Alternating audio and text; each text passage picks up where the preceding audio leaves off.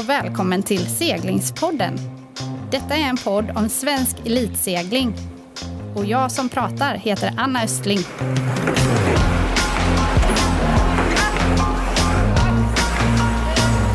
Seglingspodden presenteras i samarbete med Helly Hansen, Båtmässan Göteborg, Pilot Pen och Brant Båt.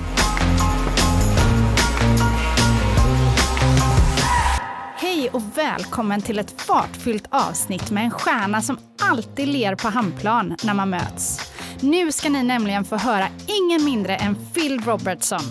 Från Nya Zeeland, nu bosatt i Bildal. Han bjöd på en av historiens mäktigaste segrar. Vinsten i det supercoola M32-racet på Marstrand med en miljon US dollar i potten. Två VM-guld i matchracing och nyss korad inofficiellt SM-mästare i mått.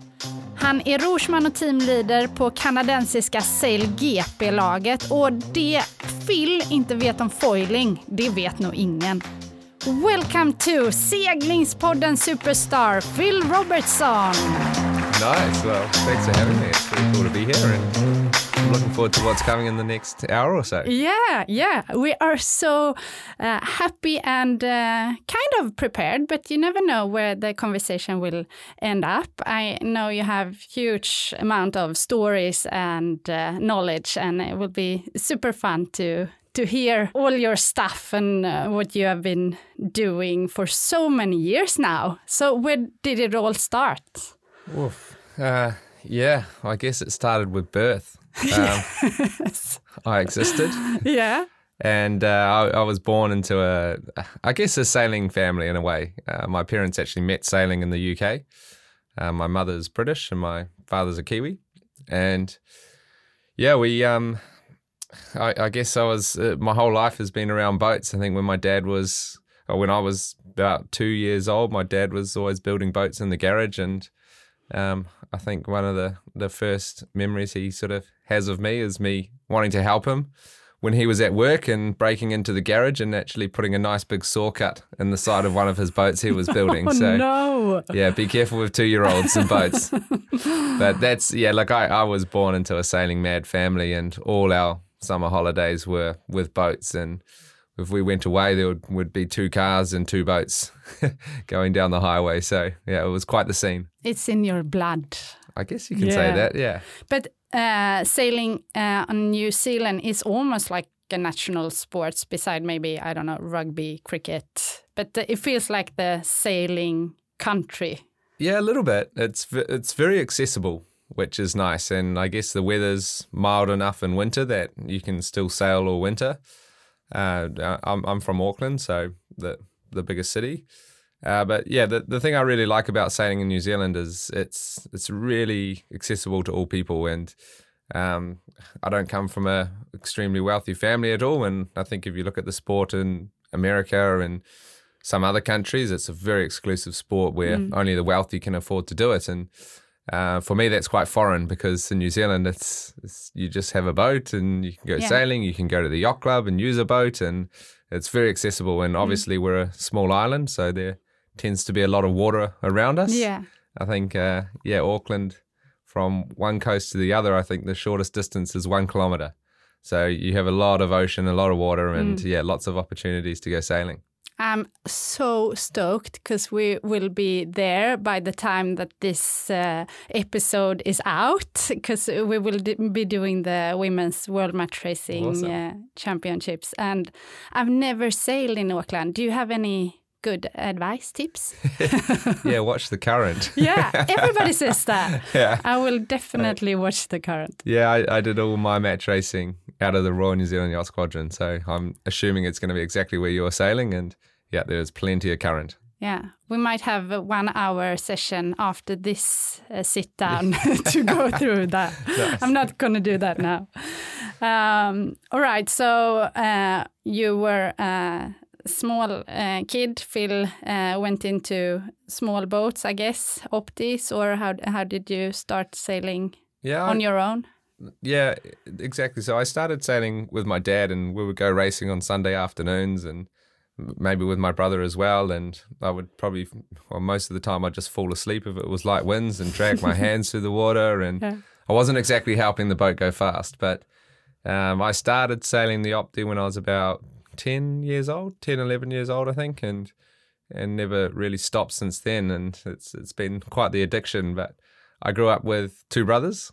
So one is 18 months older than me and one is actually five years younger.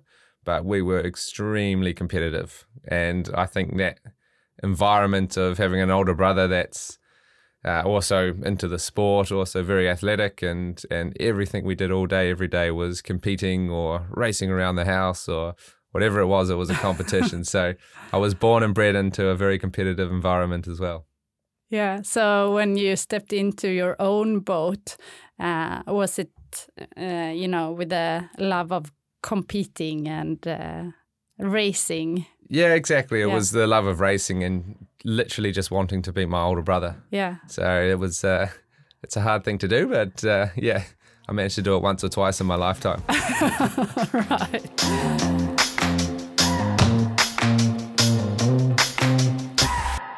Talking about like role models and idols, maybe he, he was your role model. But uh, besides from your family, uh, growing up on New Zealand, you have so many sailing stars. Did that count as well? Uh, you, you nailed it on the head. Um, I started sailing Optimists was uh, right when New Zealand had won the America's Cup and brought it back to New Zealand. And I can tell you there's nothing more inspiring than seeing these giant boats in your harbour sailing every single day with people that you looked up to and and uh, wanted to be like, I guess. And that's so inspirational for a young kid. And it's something that I think about today, uh, even with all my projects and teams, how much of an impact you can have on people's lives just by going and racing and being around and, and, and being seen. And yeah, for me, that was huge. And I remember you can hear the boats when they ease the runners on those Wow. big old um, America's Cup boats. You can hear it through the whole city. Yeah. So I'd be sitting in class and I could hear the Oh, boats now sailing they- on the harbour Yeah. when I was uh, when I was a teenager, and that's probably why I didn't stay in school too long. oh, it gives me goosebumps. but what, what's the like the biggest difference now? Because you've been living here in Sweden for quite many years now, right? Love brought you here, I guess. yeah, love brought love has brought a lot of Australians and Kiwis to Sweden. yeah. But uh, yeah, I've been here. I would say very on and off for uh, probably about six years now. Yeah. and I think for me, my my career, it was a choice to move to Europe, and purely for the ease of travel and competitions are all around Europe and North America, and to fly backwards and forwards from New Zealand, it's a thirty-hour journey each way, so it's very taxing on the body. I, I know some friends that still do it, but it's brutal. So yeah, for me, it was big just to move up to Europe and um, base myself out of here, and yeah, here we are. We've been in Sweden for about six years, and it's uh, And yeah, we are really place. happy about that because now we can see uh, our kids, they have like role models and idols uh, flying around outside the GKSS. And you are, uh, when you're home, it feels like you're there all the time. Like every session we do in the Far East, we see you coming in from the water and you're like, hi, hi. do you do a lot of sailing on your own between all the Yeah, racing? Yeah, the, uh, maybe it's something people don't understand, but with the, I, I guess, Sail GP, the boats are so complicated and so complex to get in the water, and time sailing um, is so valuable. And if you're not prepared and not ready to utilize that time, then you're going to waste a lot of valuable seconds on the water. And I think an event would probably do an average of about 10 hours of sailing over four days. Yeah. Uh, so the training days, you would yeah get four to six hours of training, and it's not a lot. No. It's not a lot when you've got so much to learn. So Yeah. yeah, we spend a lot of our time uh, downtime sailing, uh, flying boats, foiling boats, whatever you can, just to try and keep learning. Yeah. And here in Sweden, you have different boats. You are out in your moth, uh, but you also have the A cat or Yeah, so or I've- the Nacra or what, what, what? You are a foiling guy. Uh, we could say that, right? yeah, it's kind of funny because I'm a, I would say I'm a little bit, um, I like adrenaline. I don't mind a bit of adrenaline and, and speed and, and things when they get a bit a bit wild and crazy. I'm I, I'm comfortable. Yeah. And I, I think growing up there wasn't an option for that for me. So it was the Optimist, which is not very so, slow. yeah, not so Uh, much adrenaline. I, I went and uh, ended up. We have a, a couple of boats in New Zealand which are great. The P class, a phenomenal little dinghy, it's smaller than the Optimist in length, but a lot more sail area and very hard to sail. Uh, and then I, I sort of moved into the uh, 420, and I I have to say I quit sailing Yeah. after sailing the 420, Okay. Thinking was- that was the future. And Yeah. for me to go down an Olympic path at the time, it was it was sailing um, a 470 Yeah. and I had no No. no offense to all those 470 sailors, but yeah, zero inspiration to go and sail a 470, and uh, that's just based on my size and Yeah. I, I guess Yeah. Yeah. that's it. But uh, yeah, they, I then I just fell in love with sailing with a team and and bigger boats, and again going very slow, but the competitive nature of match racing was so cool when you're racing within a boat length of another boat pretty much the whole race. And it's really strategic. You got to be have great crew work. Your communication has to be really good. And and that sort of set my foundation i guess to to go forward which is quite cool. But again slow boats and I, I was probably quite late getting into a fast boat and um, yeah now everything i do is foiling and flying above the water whether it's for leisure uh, yeah for for fun or um, to try and uh, develop any skills I can. So yeah, a lot of foiling. But you use the the hours here in Gothenburg, like uh, for example, you go out in your you use that as a training session to develop and get better, so you can perform uh, with your team Canada, or or is it also you know I love sailing, I don't know what to do today, let's go foiling, Yeah, or how's the mind yeah, that's set? that's quite a that's a funny one. That I guess I would say I'm a active rester as well. So I if I'm gonna have a day off and rest and I'm really tired, I would want to be doing something. So whether that's running in the forest or um, going out on the water in any way, uh, foiling or going hiking, it's uh, I, I have to be active to rest and. Uh, I would say everything. I also sort of have this mentality that anything that's foiling, you're going to be learning as Yeah. well. And everything I do is, I guess, based around my passion, which is being on the water. And yeah, everything now happens to be foiling. And I can I can tell you, I've learned so much from wing foiling or kite foiling, or now we're starting to do um, foiling with sups and going downwind with a paddle and on a foil and even that like the learning you do from that Yeah. it's it, at some point you're gonna take that into the F50 and go oh I remember this. And Yeah, uh, the the way I sort of explain it the smaller the craft or the boat the more you sort of feel it and you you feel everything involved. So sailing the moth you feel so many different things compared to sailing in F50 and those things that you feel it really translates over to the big boat where you don't have the feel because it's so big and there's so much load but you sort of know or you can feel a little bit and then you have the knowledge from from doing all and your it learning maybe makes the difference if you can can feel the big boat as well. Oh, for Yeah, sure. yeah. Yeah. I, yeah. I mean the yeah, the finesse that you need to sail a big boat at the front of the fleet and against the best people in the world is phenomenal and uh, if you if you lack that finesse and that you know fine tuning all the time, then you're you're not going to win. But maybe you'll do okay. But yeah, it's something I think when you get to the bigger the boat, the less I guess feedback that it gives you in in some areas. Mm. And you now you you really are a professional sailor and you're really professional in everything you do with your uh, if if you google phil robertson you find a like nice proper uh, landing page and good. yeah that's great and i actually saw this is uh, part that i like uh, with your youtube channel uh, you had uh, maybe 10, 15 episodes. They are quite short, though. I would like you to, you know, do the longer episodes. Is that something you can Yeah. you, you can do for me? I can do that for you, Anna. Yeah. That's fine. do you do them yourself? um, Produce them? I don't produce them myself, and it's it's a real fine balance that uh, I guess professionalism. Now, the thing I love the most is being on the water, and I struggle to sit down for more than an hour. Yeah. This this this podcast is kept.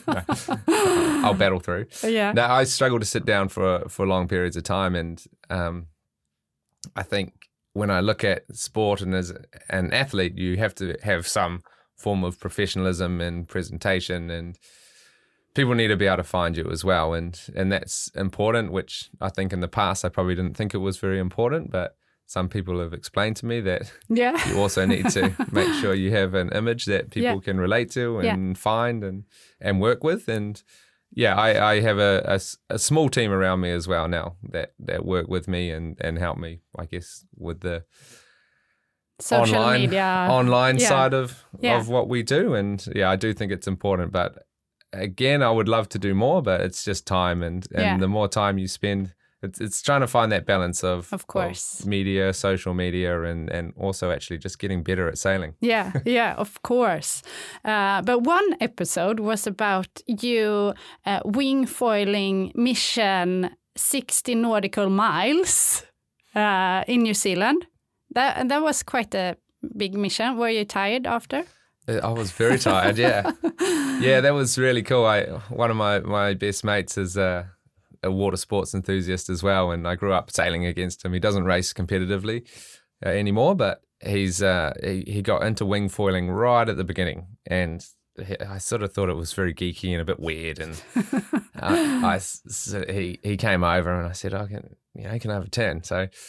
I, I actually bought a foil myself and purely for going uh, surfing on it or, or paddleboarding and Yeah. trying to catch waves. And he brought his wing along. He said, You got to try this. And I was like, Oh, it's a bit, that's super strange. And nobody's going to get into that. But I had to go and instantly I was hooked. I was Yeah. like, Wow, this is Were you incredible. this kind of guy who like uh, took the wing and just popped out of the water and flew around? yes. Or, oh, yeah. I So- hate you. yeah, I know. Um, yeah. no, I, I'd say I'm very blessed in that, um, in that manner. I'm quite. I, I guess I have. I, I have a bit of athletic ability, I would say, and and things like that I can pick up really fast. I'm a very practical person, so when it comes to trying to learn a new skill or a new sport, I can pick it up quite fast, and uh, which is nice. It's it's handy, but wing foiling, yeah, was something that I guess I had some knowledge of it and was racing foiling boats, so I understood Yeah, it, yeah. which I think helps a lot. Um, but yeah, I picked it up, had a go, and um, I was hooked. And Mm. I stole his wing off him for a week, and ended up buying one the next week. And Yeah. and yeah, and that- now you see kind uh, of uh, uh, like all kind of sailors and uh, all kind of people out on the, the Yeah. water doing it. So you were wrong. I was very wrong, and I wish I uh, invested into it back then. Maybe the next little fad that it comes along that I think's weird and, and crazy, and Yeah, you just uh, yeah. I'll, I'm I'll in. take it on and I'll start a company. It Yeah. could be good. in also in one of the episodes foiling with phil you said that this will change the sport forever. Everything is going foiling now. And i guess you're right but um, you are a foiling expert and with uh, more and more boats flying, also the smaller ones.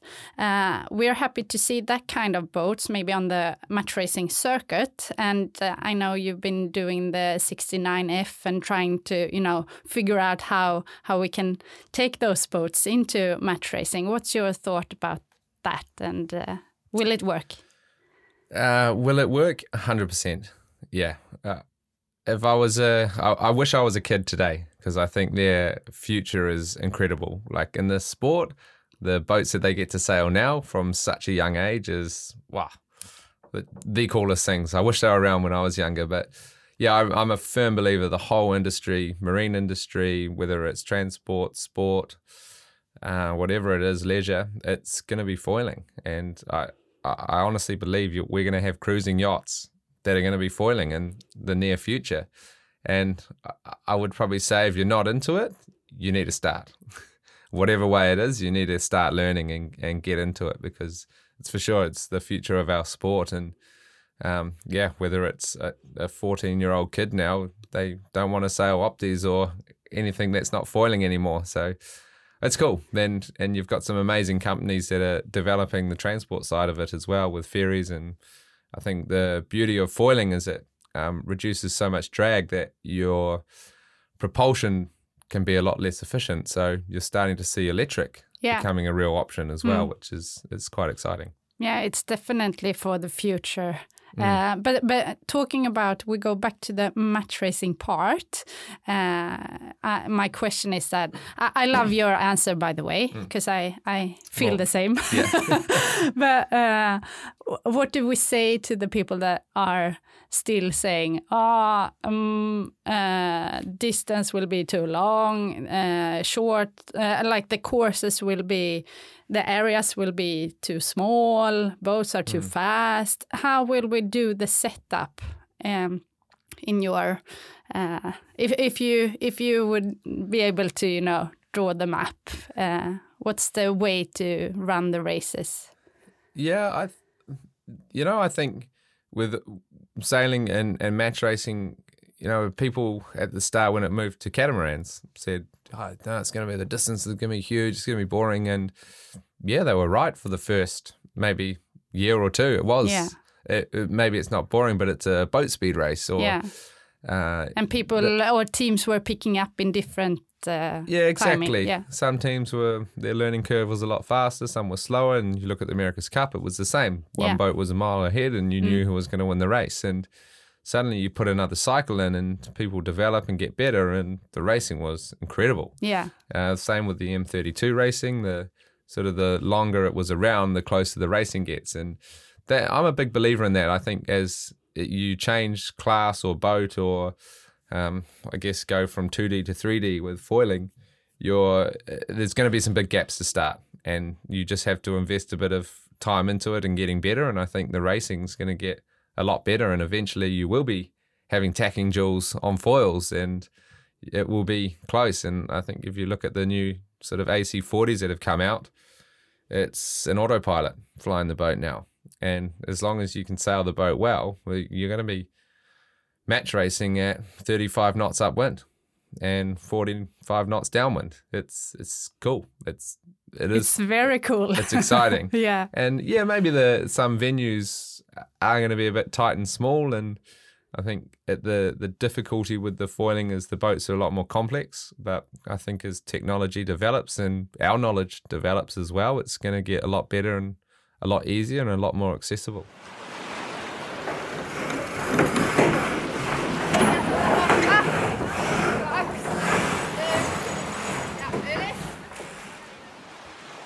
Do you think we will see the 69F flying around uh, on the Match Cup Marstrand in the future? Who have you been talking to? I look, uh, yeah, look. I think there's some there's some really cool boats out there now, and and the 69F is one of them. That's probably a little bit of a forerunner when it comes to small foiling monohulls.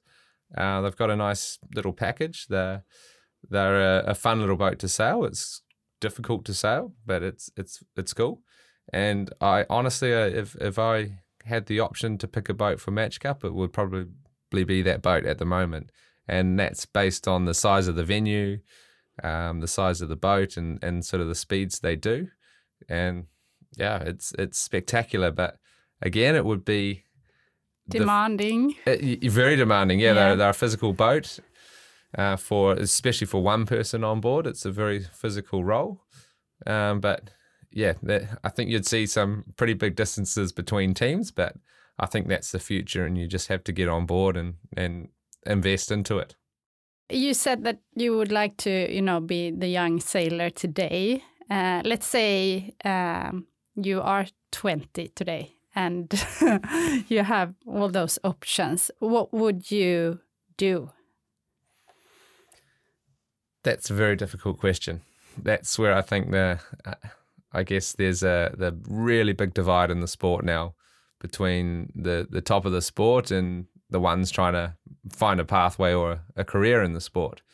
Uh, when I was around the World Match Racing Tour, was sort of that pathway. Um, but as the boats have developed and evolved and changed, and from monohulls to cats to foiling cats to now foiling monohulls, um, it's really difficult for series like that to to adapt and incorporate those types of vessels. And yeah, I I, I think it's difficult for a, a young person today, but I'm still a big believer that if you're one of the best in the world at whatever you do, your specific craft, whether it's match racing, fleet racing, um, keelboat racing, you're you're going to find a way to to get better and adapt and change. And I still look at my match racing background in keelboat sailing and the the sort of fundamentals that I learned sailing those boats with your communication, with your teamwork, uh, your planning, your structures, your decision making. Um, it's all so relative to what we do today. Uh, we just had to make a lot of those decisions a lot faster, but it's it's the same thing. The process is the same. So, yeah, whatever you're doing, you're going to be, um, I guess, building your foundations for the future. And yeah, you've got to be very committed, though. That's for sure. But go sail fast boats. You have to know how to sail fast boats. That's a great uh, conclusion, but also for you to pick up a, a young girl or guy into your um, fast boat. Um, I guess that the skills of being a part of the team and all those stuff uh, is also very crucial, uh, and that's something you can get of, you know, going out in the Far East in GKSS or keelboat or whatever. Just trying to, you know, be the the the sailor that can, you know, do a lot of different kind of sailing and maybe be good in a team. Yeah, that's uh, probably the most important thing. And uh, I've just come off a week of being in Canada uh, with, uh, yeah, I guess kids from 14 to 30 years old. Maybe not all kids, but uh, that's one of the things I've been saying the most is go and sail as many different boats as you can. Don't just sail your laser or your 49er and be the world's best at that. That's important, but you have to know how to sail many different crafts. And uh, I think you'd probably agree, sailing the IOD is probably one of the boats that teaches you the most in life. Yeah, and amazing. this is a over a hundred year old design. It's wooden and it's slow. You can't turn it when you push the tiller, and if you don't trim your mainsail on to go into a tack and maybe even ease the jib and back the jib a little. And now I sail an F50, and I mean, you can do what you like with the boat, but if you want to do the best tack in the world, it's the same principle. You trim the wing on a bit, you're trying to turn the boat with your sails, not just the, the, steering wheel. So, yeah, I, I think that you learn so much from sailing so many different boats and it all transfers to the boat that you're trying to perfect your craft in, I guess. And and that's what I say to most of the kids now is just go and get experience, but still be good at one thing or one boat or a, one discipline, but go and learn how to sail many different different different yachts. Yeah, great. And talking about that sort of team effort in, in the IOD or in the faster boats. Um, uh, you you started when you were young back uh, on New Zealand with your Waka Racing. Uh, you brought up that match racing team, and you went out on the circuit. Um, how, how's your uh, thoughts of you know leading a team and being a leader on board? Yeah, I guess leading for me has probably been a little bit natural as well. And I think it's just part of my personality and what I was born with. But um, I really enjoy it actually. I, I enjoy that responsibility and and um, I guess having that position. But it's yeah, it, I think we're as yeah, sorry, I've just no, lost it's my. okay. Uh, it's okay. wow, wow. um, um, but maybe um, we'll say uh, I like that part. So we will not uh, cut it. Maybe just uh, end it. Yeah. Elaborate. Yeah. Yeah. so uh, um, as as a team leader, it comes natural for you, and you like that part.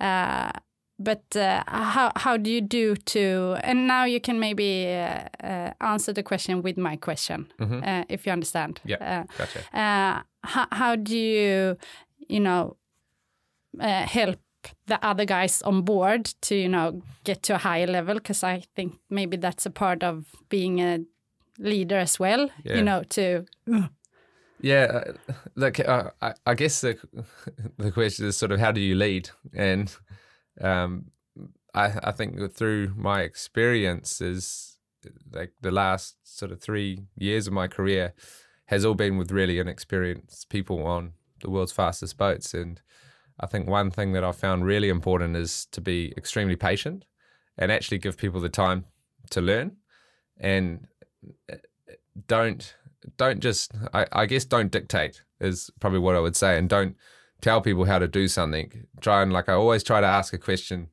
to them and let them come up with the answer and I think people learn a lot faster that way. So that's when people are trying to learn on my boats or I have some more knowledge in them, I'll never just directly tell them how to do it or what to do. I'll try and always I guess ask a question to see, yeah, see if they can come up with the answer, and that then for me that learning is a lot more cemented.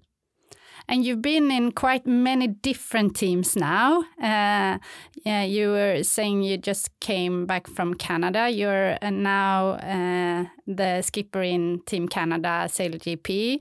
You did China team. You did Spain for um, for a period as well. Uh, how is it to you know jump into a new uh, project? And is it is it always new people on board or do you you know use use your mates in the different kind of projects? Yeah um, that's actually a really good question. Um, I've, I've sailed for geez I, I, think 10 different countries or maybe it's more now. And um, I think in all team sports as well the longer a team's together the better it's going to be and the last three years, I think in Sail GP, I've sailed with, yeah, well, the three, first three seasons, it's been three different teams with three completely different groups of people on board. And yeah, uh, that's difficult. Yeah. Uh, I had to be honest, it is difficult. And I've always sort of started my career saying, uh, we'll stick together as a team and we'll just go from project to project. But as you get down a professional route, your role's so specific as well and I think it's actually really difficult to do that. Mm. Um, some people have had the luxury to be able to do that and, mm. and stick together for a long time, and it really shows.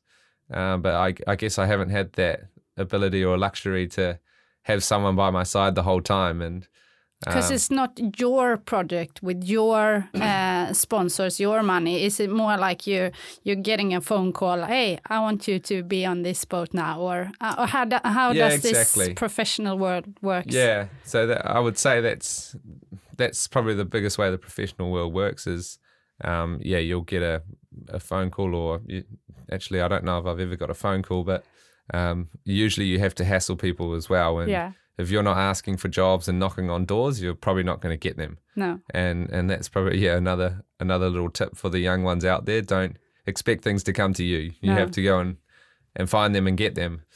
Um, but yeah, it's uh, it's different. The the sailing for different teams is it gets very um, uh, there's some challenges, but all these teams are yeah uh, coming in with their own money, their own sponsors, their own structures, and uh, thankfully the one now with the the Canadian team, I was um, one of the first ones employed, so I've had the ability to really structure the sailing team how I want it, and and um, employ a lot of the people as well, which is quite nice. That's great. So let's hope for that team to stay for many, many years. yeah, it's a great team. We're we're having a lot of fun, and yeah, I'm, i hope we'll be around for a while. That's great. So, uh, talking about the future, what's uh, what's your goal with sailing? Do you have any, you know, dreams? Yeah, I think if I if I go back to when I was younger, I, my dream was to race the America's Cup, and that was purely because I was in Auckland sailing my Optimist, And Hearing them when you were in them classroom. Uh, in my classroom, exactly. They were sailing around. When there was no wind, they would drop their sails. They would come over and would all go and tie our Optimists up to their boats and jump on and and walk around and have a look. And it was yeah, quite an experience to be honest. And um, that's really set my dream on the America's Cup. And I think as as life's developed and the sports developed a lot, that's changed. I think there's a lot more opportunities around. Um, but for me, the dream's always been the same. I just want to be racing against the best people in the world on the best boats in the world, and currently that's that's probably Sail GP to be honest, and I'm I'm loving it. But I also have a few other dreams. One would be to race around the world, and yeah, hopefully one day that will come, and I'm sure they'll be in foiling boats, so that'll be exciting. yeah, But- it will be a faster run lap around the world. Uh, yeah. yeah, hopefully. You are a Kiwi guy. We have a quite stable America's Cup team from New Zealand, and now it's all uh, come down to that the nationals, the rules that you have to actually have a team from your country. So I would love to have you on that boat if I could decide. How how, how does it work, and how, how how's your road to get into that if that's your dream? Yeah, that's uh, um, it's not easy to be honest, and again, it's uh, I guess it's a case of probably knocking on doors, and I haven't really been knocking. Um, but there, when I was growing up match racing and we were younger, um, the team was for sure the best in the world, or one of the best, and it was good to have that sort of ambition and dream to go sail for them. But um, in this, I guess in sports in general, teams are quite closed. Teams are very closed, and it's really, really difficult to get in. And the sort of this, I guess, Team New Zealand's always been a very tight group of of guys and girls that are um, involved in it, and there's not a lot of people coming in or going out um, the door. I'd say, and as as it's evolved, the, the that team's got a lot, lot younger as well, and now you've got Peter Burling, that's one of the drivers of the team. Um, I, I guess in my eyes, he's young because he's slightly younger than me, but maybe we're Very old now. No, maybe no, no, we're the old guys. No, no, go. But don't uh, go there. again, it's quite a the the team's quite small as well, Yeah. and um, there's I guess my specific skill set is uh, very similar to Peter's or Nathan Outteridge, who's now there. So there's not a lot of room, and and as boats are going faster, the sailors are actually getting less as well on board. So yeah, there's not a lot of job opportunities, I would say, and yeah, and being based in Europe probably doesn't help. Uh, it's uh, uh, yeah, it's something I guess if I was really, really committed to trying to do it, I would I would have a good crack at it, but I'd definitely have to move back to New Zealand to be, make that feasible. we see what the future brings. Yeah, we'll see. I'm happy. Yeah. Do you have any Olympic dreams?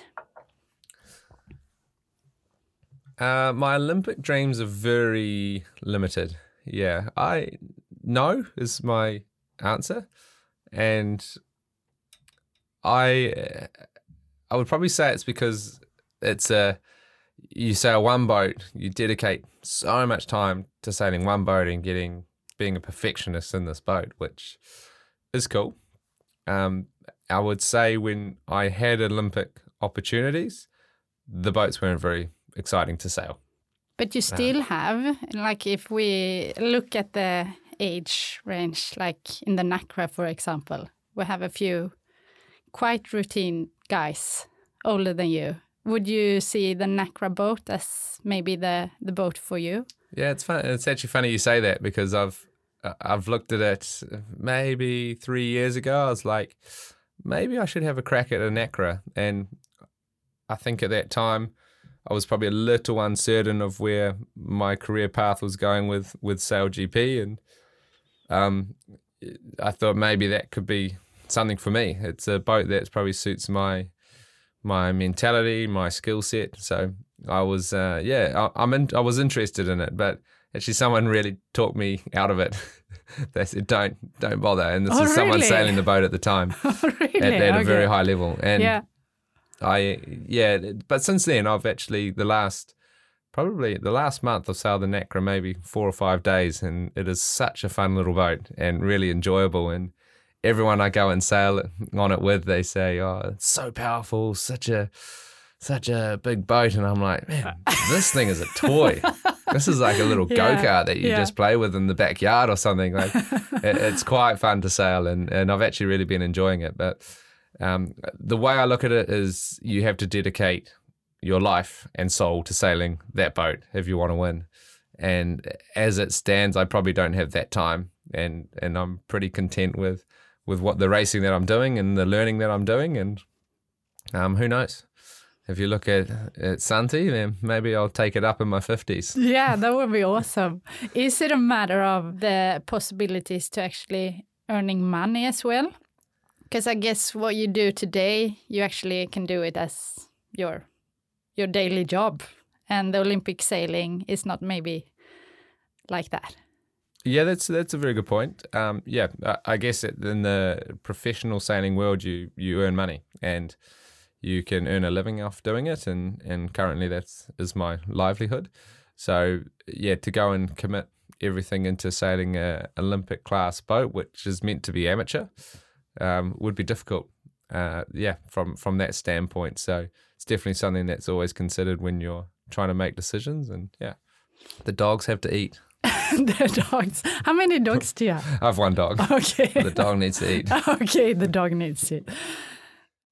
Phil, you've done so many cool things. Uh, Sail GP, the win on Marstrand 2000, uh, 2016 was quite amazing. Um, what's your best sailing memory so far? Oh, that's yeah, that's a tricky one. Um, yeah, the, the win on Marstrand 2016 was a pretty unique experience. That was a very cool memory, and uh, I guess that's uh, that's just a massive build up of many different things throughout my life, and for it to peak at that moment on that stage and that event was uh, yeah very cool, and that's for sure one of my my best memories. But I have so many. And they range from probably ocean racing, uh, breaking masts in the middle of the ocean, and doing a lot of damage to boats, and and actually getting back to shore, and uh, uh, some cool experiences, and and then again sailing an F fifty for the first time was probably one of the scariest days of my life. Yeah, I was about to ask you, are you never scared? But now you said it. Uh, I think it's good to be scared because, you know, I guess you're giving a lot of respect to what you're doing. the And tension is there. The tension's definitely there at times, but it's also just trying to be relaxed in it. And, and I'm a big believer of um, a saying that you've got to get comfortable feeling uncomfortable. And Mm. These boats make you feel uncomfortable at times, but the more you do it, the more comfortable you get at it. So you might as well just start being comfortable.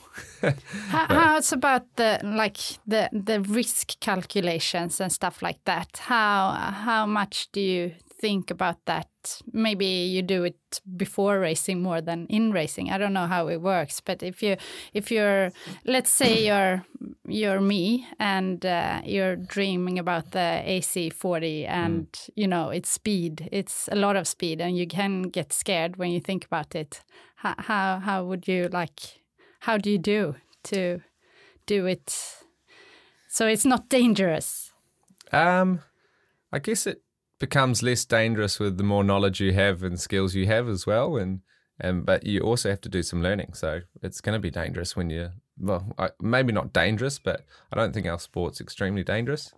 Uh, but you have to do some learning, and I guess you got to learn in a slightly structured way, and maybe do it on boats that aren't that the consequences maybe aren't so high, but also I think foiling and sailing now is getting a lot a lot safer and the more knowledge designers and sailors have the better we're getting at sailing these boats and I've sailed some pretty wild little boats at times and the super foiler being one of them and I look back at that time now and like Crazy. I contribute all my learning to that boat Yeah, and okay. it was phenomenal how much I learned and that was scary Ah, okay, yeah. that I was I was sort of scared, but also aware that if you're you have to be pushing those boats as well. And well, I, I did so much learning sailing that boat, and I honestly don't think I would be able to sail the F50 as maybe as well as I do without spending the time doing that. And that was a little crazy at time. A lot of sailors said no, they didn't want to do it um, due to the risk of maybe getting injured or or the boats just being a little bit ahead of their time. I would say. Yeah. But I look back now, and I actually think we'd be able to sail those boats at a really high level uh, safely. Yeah. And and a little more in control, maybe is a better word to say. So it's um, yeah, I think they they were maybe a few years too early those things, but uh, very cool crafts. And how was it when you first stepped into the M32? It's a Swedish designed uh, catamaran. And I remember when it first came, and uh, we had like the, the best Swedish sailors on board, like, holy smoke. Uh, but then just it took maybe a year, and then it felt like, you know, so easy to sail the boat. Mm. H- how was it for you first time? Yeah, it's it's uh, it's funny because I was probably quite similar in a in a way. And the first time you sail a catamaran like the M32, with you've come from a, a monohull background, suddenly you're doing 12, 13 knots upwind, and that's crazy. Yeah. You think this is so fast, and you turn the corner and you do 25 knots downwind, and you're you feel like your hair's on fire. But um, yeah, it's amazing to think back at those times, and now I do 30 to 35 knots upwind and 40 to 50 knots downwind or reaching. And that's starting to feel not very fast now. Yeah, that's You're- amazing. So it's Yeah, you push your limits. the body just adapts as well. Yeah. And, and the more you push those limits, the more I guess you get, get comfortable doing those speeds. And it's normal for the body and the mind and the what your all those sensations just I guess become null. yeah. So so it's quite quite special, and I'll I'll give an example of actually sailing in in Saint Tropez, uh, maybe two months ago, and it was thirty knots, um, more at times. It was the windiest day I've ever sailed, an, an F fifty in, if if not maybe any boat. And typically a foiling boat like that, you can't really sail much over 20, 22 knots because the speeds are too high or the power's too much in the sail. So the beauty with Sail GP is they have the little wings mm. and it just gives you so much more control. Mm. You're so much more depowered. It's like having a reef in your mainsail. It's it's easy, a lot easier. But your speeds go up another 10, 15% because you have no drag. And uh, this, uh, it was a yeah, very, very windy day, 30 knots. And I just remember coming off the start line and you are doing 50 knots, 51 knots, reaching with eight other boats two meters away from you, all around you. And uh, some of the things that you would do in 10, 12 knots, like when you're reaching and you just sort of reach right over in front of someone, is pretty natural. But to do that in when you're going 50 knots, knowing the consequences of if someone of the six on board makes a mistake, Yeah. They're going to crash. You've Yeah. got nowhere to go. No. It could be, yeah, a massive catastrophe, I guess, uh, in terms of a crash. And I sort of ended the day going, I think this is this is too far. We need to change the rules. There's got to be like a super high speed rules as well. But I also sit there and think, well, maybe it's just going to be normal. Maybe we just have to trust people. Maybe we have to learn to adapt again. And this is normal now. We're going to be racing at 100 kilometers an hour right next to other people and and sort of luffing people and doing these crazy moves that you would do in 10 knots of wind or whatever. And um, again, when it comes to foils and different foils, and uh, the F50s are talking about putting T foils on the boat. And now, What's and- a and- foil? uh, so, uh, uh, so right now they're L-shaped foils, I Okay, guess. So okay, they so they don't go the out the foil. side of the boat. So no.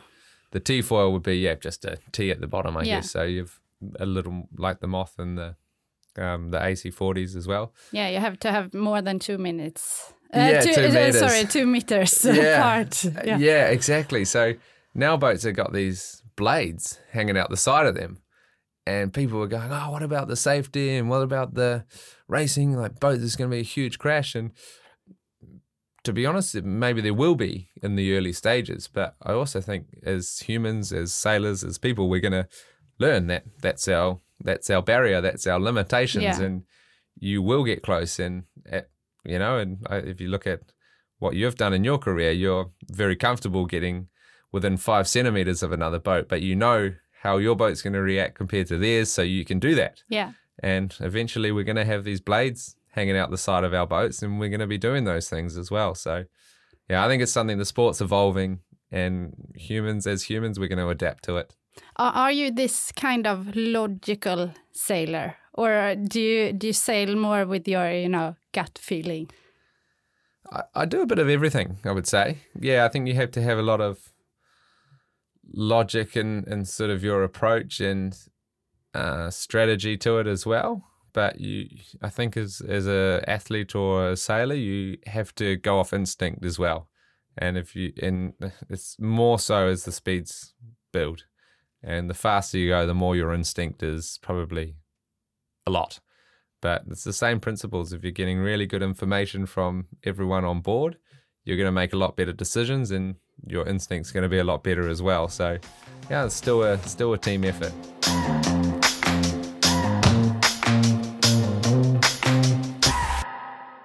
I would gladly sit here one more hour. There's so many things to talk about, but uh, luckily we have you here in Sweden. I might uh, catch you again. Uh, Exactly. we can still do it another time. yeah. Plenty more stories. Yeah, thank you so much for coming. We learned a lot, and uh, I'm sure that um, the younger sailors, but also the the elder ones that likes the slow boats will get some adrenaline out of this episode and will uh, like to go foiling in the future.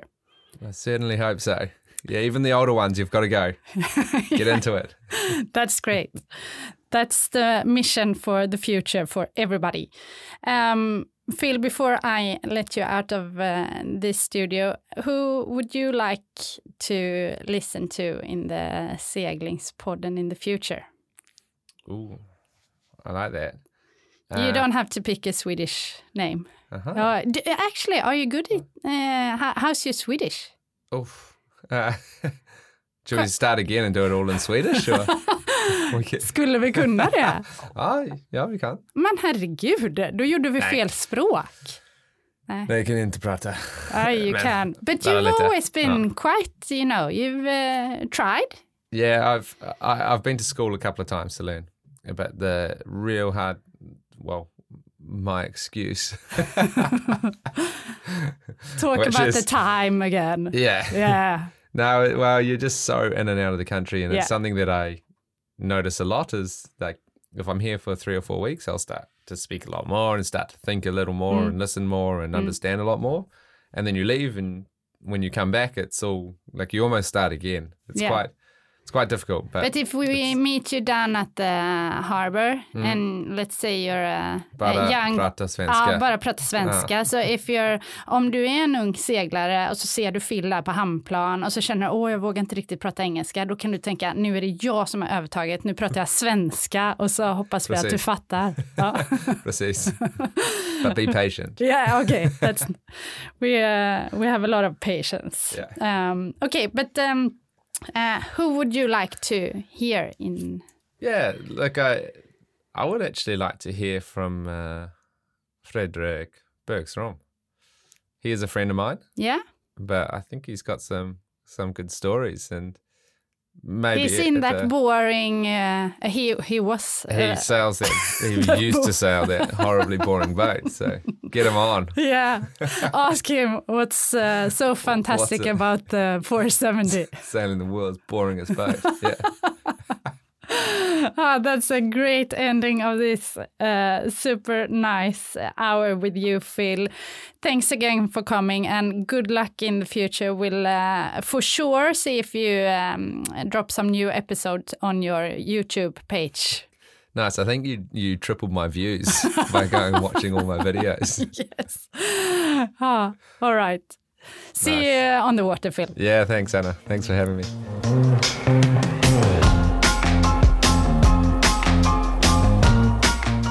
Det är verkligen en ynnest att få sitta så här länge och få höra en så grym seglare berätta om den professionella seglingsvärlden. Hans proffssida är ju glasklar. På bilder ser man en målinriktad och fokuserad Phil. Och nu kan vi alla som har lyssnat på detta avsnittet hålla med om att han är en superskön kille som älskar att leka och vara på vattnet. Precis som vi andra.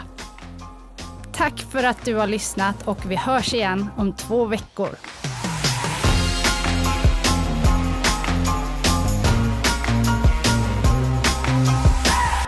En poddproduktion av Fredag.